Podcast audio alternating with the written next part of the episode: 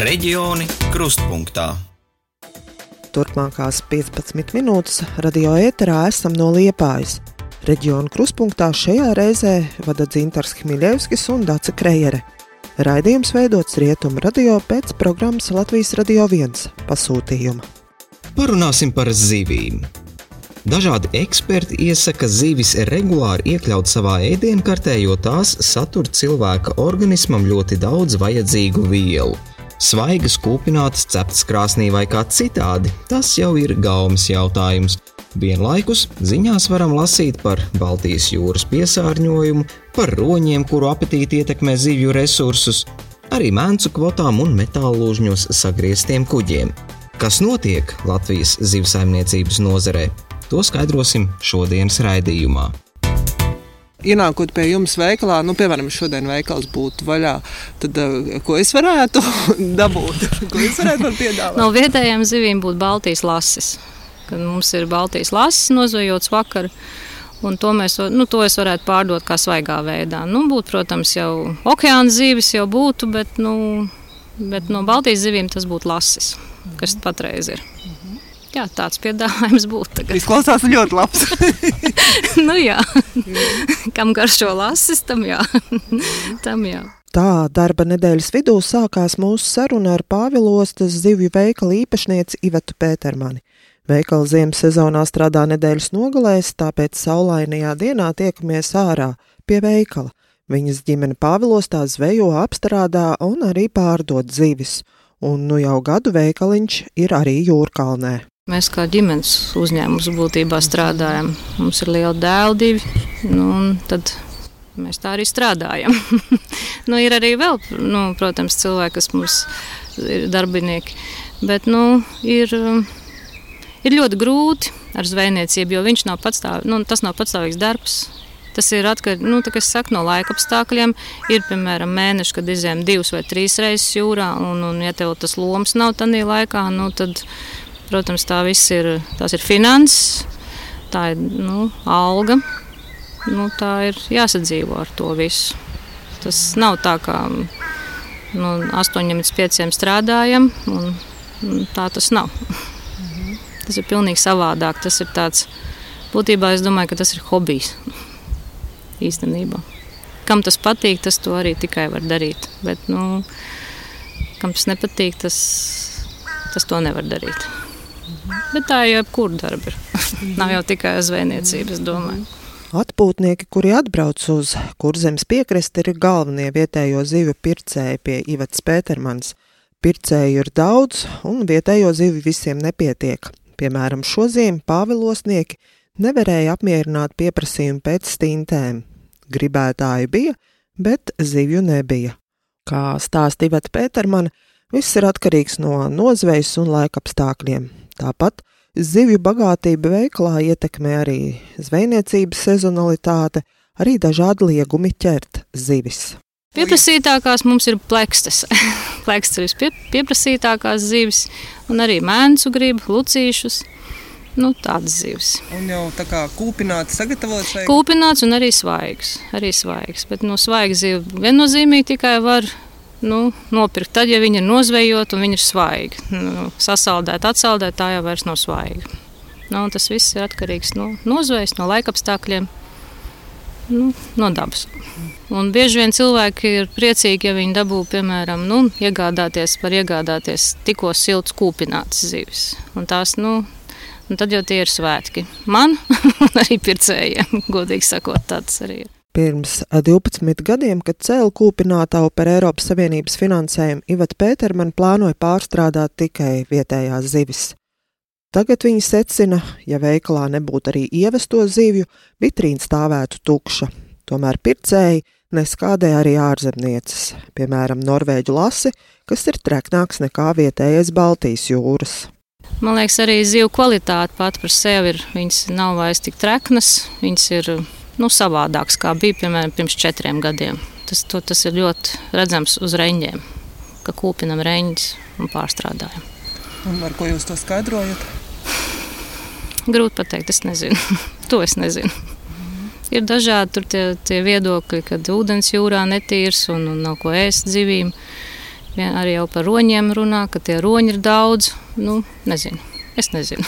Tur ir cits cilvēks, speciālists, lai domā, izvērtē.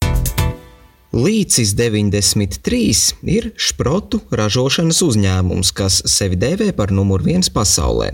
Pagājušajā gadā galvenais fokus bija šprotu Riga Gold ražošana, un tas atmaksājās ar 12 miljonu apgrozījumu un pusotru miljonu peļņas. Kā rietumradio pastāstīja līdz 93 valdes loceklis Kaspars Cvēģelis, 90% no saražotā ir eksports. Ja pirms pieciem gadiem konservus no Nīcas veda uz Krieviju, tad tagad lielākais tirgus ir Amerikas Savienotās valstis un Japāna. Ja mēs atceramies no padomu, laik, padomu laikiem, tad šprots bija nu, tāda nu, uzkoda. Tad tagad uh, rietumu virzienā šprots jau aiziet tādā jau delikates uh, virzienā, kur cilvēki vairāk, nu, teiksim, vai, vai, vai pārstāvi vairāk nepērk uh, vienu veidu šprotu vagoniem, bet uh, paliek ar vien izsmalcinātāk, teiksim, franči grib ar citronu vai, vai ar sojas pupiņām un vairāk tāds, nu, klasiskā šprote. Protams, viņi ir, nu, joprojām numur viens uh, klasiskā, klasiskā šprote, bet, uh, tas, teiksim, tas pasūtījumi viņi paliek sarežģītāki, mazākas partijas, bet nu, jāpielāgojas tirgiem. Neko nevar darīt, tā tai rietumu pasaulē ir. Arī līdz 93 par pieprasījumu nevar sūdzēties, īpaši tagad, Covid laikā. Visus gribētājus nav varējuši apmierināt. Kaspars Cvēģelis to skaidro ar mājasēdi un cilvēku vēlmi iepirkt produktus, kuru derīguma termiņš ir garāks. Tāpat šprotu konservi ir lētāki par lasi vai tunci. Konservu ražošanā Nīcas uzņēmums iztiek ar pašu nozvejoto, un vēl pāri paliek tirdzniecībai. Pieprasījumu nevarot nodrošināt nevis tāpēc, ka pietrūktu zīvju, bet gan tāpēc, ka trūkst prasmīgu un pieredzējušu darba roku. Mūsu dāmas uh, pako nu, nezinu, apmēram 500 līdz, līdz 700 burciņas dienā. Tās ir tādas, kas jau piešāvuši rokas un, un saprot, viņiem patīk tas, ko viņas dara, un viņas, teiksim, tā saprot to darbu. Un tad mēs pagājušajā gadā paņēmām no Ukrainas eh, viestrādniekus, nu, pamēģināt pastīties, nu, kā būtu, ja būtu. Un tad salīdzinājumiem, ja mūsu, ja mūsu dāmas pakota, teiksim, 500-600 burciņas dienā, tad ukrainietis pakoja tur 100, nu, maksimums 200. Un tas ir tāda ilustrācija, ka, nu, teiksim, ja cilvēks atnāk no malas, nu, ka viņš tur diezgan daudz jāmācās un jāpiešaujās, lai varētu darīt to labā līmenī. Un plus vēl kvalitatīvi. Ja, teiksim, ja mēs pakojam tur ar apspiedīgo vāku vai ar burciņu, nu, tai kvalitātei tur jābūt izcilai, jo cilvēks jau veikalu plauktā uzreiz redz. Un ja tur ir kaut kāda āda drusciņa noplīsus no zivī vai vēl kaut kāda, nu, neizskatās viņa apetīta līgi, tā zivs, un tad viņš, protams, nepirks tā kā pret caurspīdīgu stikla burku, tā kvalitātes prasības ir visaugstākās. Uz kuģiem zvejnieku gan netrūkstot. Ja par zivju daudzumu līdz 93 zvejnieki nesūdzas, tad par nozvejoto zivju kvalitātes pasliktināšanos gan. To ietekmē gan siltās ziemas, gan citi vides faktori, piemēram, šo ziemu ķērušās izmērā mazas zivis, kas ražošanas procesu padarīja piņķerīgāku. Liepājas pusē pašlaik Baltijas jūrā zvejā iet 17 kuģi un 63 kuģi un laivas nodarbojās ar piekrastes zveju. Jūrā zvejo brētliņus un reņģes, savukārt piekrastē zivju daudzveidība ir lielāka, bet apjomi ir mazāki. Tomēr nozveja piekrastē rāda, ka zivsaimniecība pašlaik nesarūk. Kā zina stāstīt Normons Rieksniņš, Zemkopības ministrijas zivsaimniecības departamenta direktors, Liepājā Pāvilostā tā ir stabila gadiem. Zināmu sitienu izdara mēnesi uz vejas aizliegums Baltijas jūras ūdeņos, un līdz ar to zvejniekiem ir piedāvāts pārtraukt darbību, sagriežot kuģus un izmaksājot kompensācijas. Un šajā gadījumā tieši liepājas puses zvejniekus tas vairāk skar, jo no šejienes um, tiksim, tie zvejnieki ir nākuši, kas zvejoja iepriekšējos gados mēnesu, tātad aktīvākā mēnesu zveja nāca tieši no šīs piekrastes. Bet uh, kopā tie ir desmit kuģi kopsumā. Kādas firmas, kuras zvejoja uh, tikai mēnesis, nu tad šīs firmas varbūt arī pārstās savu darbību, uh, jo tā situācija ir tāda, ka mēnesu nesola, ka viņi varētu atjaunoties vai atgriezties tuvāko uh, gadu laikā. Ja, teiksim, tas prasīs ilgāku laiku, ilgāku termiņu. un tad jāredz, kas notiks pēc tam, ja, teiksim, tie krājumi kļūst tādā stāvoklī, ka viņas varēs zvejot, cik daudz vispār varēs zvejot. Un tāpēc, teiksim, šāds piedāvājums ir nācis, tika grozīta Eiropas jūrlietu zivsainicības fonda atbalsta regula, kas pieļāva šādu, teiksim, kuģu izņemšanu. Viens no kuģiem, ko visticamāk nāksies likvidēt, pieder Sijā Ervils Liepājas pusē. Kā Latvijas radio stāsta valdes loceklis Aigars Laugalis, pašlaik vēl norit birokrātiskais process, lai saņemtu atļauju sagriezt zvejas kuģi briedis. Jā, mēs, mēs esam iesnieguši tātad, šajā, šajā programmā iesnieguši savu projektu. Projekts joprojām ir vērtēšanā. Mēs uzturam kontaktu regulāri ar, ar lauka atbalsta dienas tātad, pārstāvjiem, kas, kas vērtē šos projektus. Un, un saprotam, ka, protams, vēl nav galējis, bet nu, visdrīzāk jau, kad mēs, mēs tiešām pēc visiem, pēc visiem tiem, tiem kritērijiem noteikti kvalificējamies esam diezgan droši, kad, kad mēs, mums, mēs, mēs programmai atbildīsim līdz ar to mēs lēnām, lēnām esam mūsu zvejnieki, lēnām nu, esam uzsākuši tādu teiksim, gatavošanos tam, lai, lai viņi tuvākā, tuvākā mēneša divu laikā varētu arī sagriezt, nu, teiksim, tā izņemt pilnībā no, no zvejas flotes. Bet kamēr mēncas iznīkst, Baltijas jūrā vairojas jūras grunduļi. Grunduļi ir invazīva suga no Melnās jūras. Latvijas zvejnieki ir atraduši iespēju tās eksportēt un pelnīt. Tagad tas ir izveidojies kā būtisks jūras resurss mūsu piekrastē un savā ziņā aizvieto mēncu trūkumu. Liepājas pusē aktīvi zvejo un izmanto to kā eksporta produktu arī Aigara Laugaļa uzņēmums.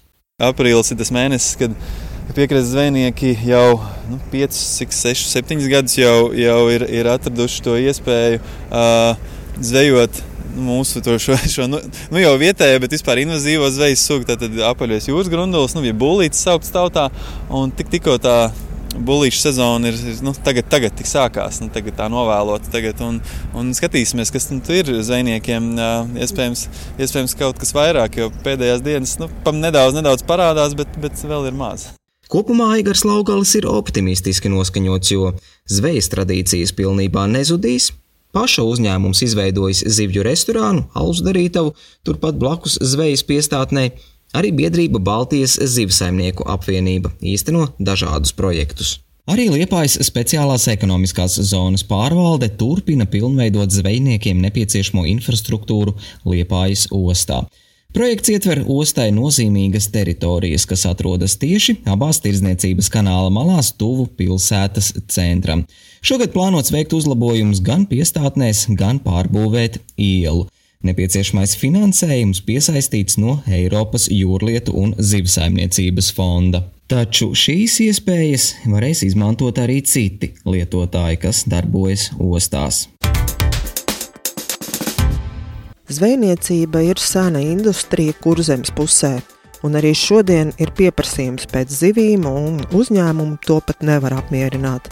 Lai labi dzīvotu šodien, zvejniekiem un zivju pārstrādātājiem nekas cits neatliek kā specializēties, optimizēt darbu un pielāgoties jaunām prasībām, jo vairs nevar strādāt kā 80. vai 90. gados. Šomēnes arī labas ziņas par Liepājas zivju konservu rūpnīcu, kas darbu pārtrauca pagājušajā vasarā. Tā beidzot tikusi pie jauna īpašnieka, kā izpētījis laikraksts Kurzemes vārds. Sijās Saifūda īpašnieks un patiesais labuma guvējs ir kāds Lietuvas uzņēmējs ar vērā ņemumu pieredzi un panākumiem šajā nozarē. Bijušajā zivju rūpnīcā iecerēts veidot divas zivju produkcijas ražotnes. Darbu tās varētu sākt pēc diviem gadiem. Reģiona kruspunktā no Liepājas izskan. Raidījums veidots Rietumu radio pēc programmas Latvijas Radio 1 pasūtījuma. Raidījumu veidoja Ingu Ozola, Dāca Krejere un Dzintars Hmiļevskis. Raidījumu var klausīties ierakstā gan mājaslapā Latvijas Radio LV, gan arī podkāstā un lasīt arī sabiedrisko mediju ziņu portālā lsm.clv. Jaunu nedēļu kolēģi no RTV stāstīs par dažādu pašdarbnieku kolektīvu mēģinājumu atsākšanos ārtelpās.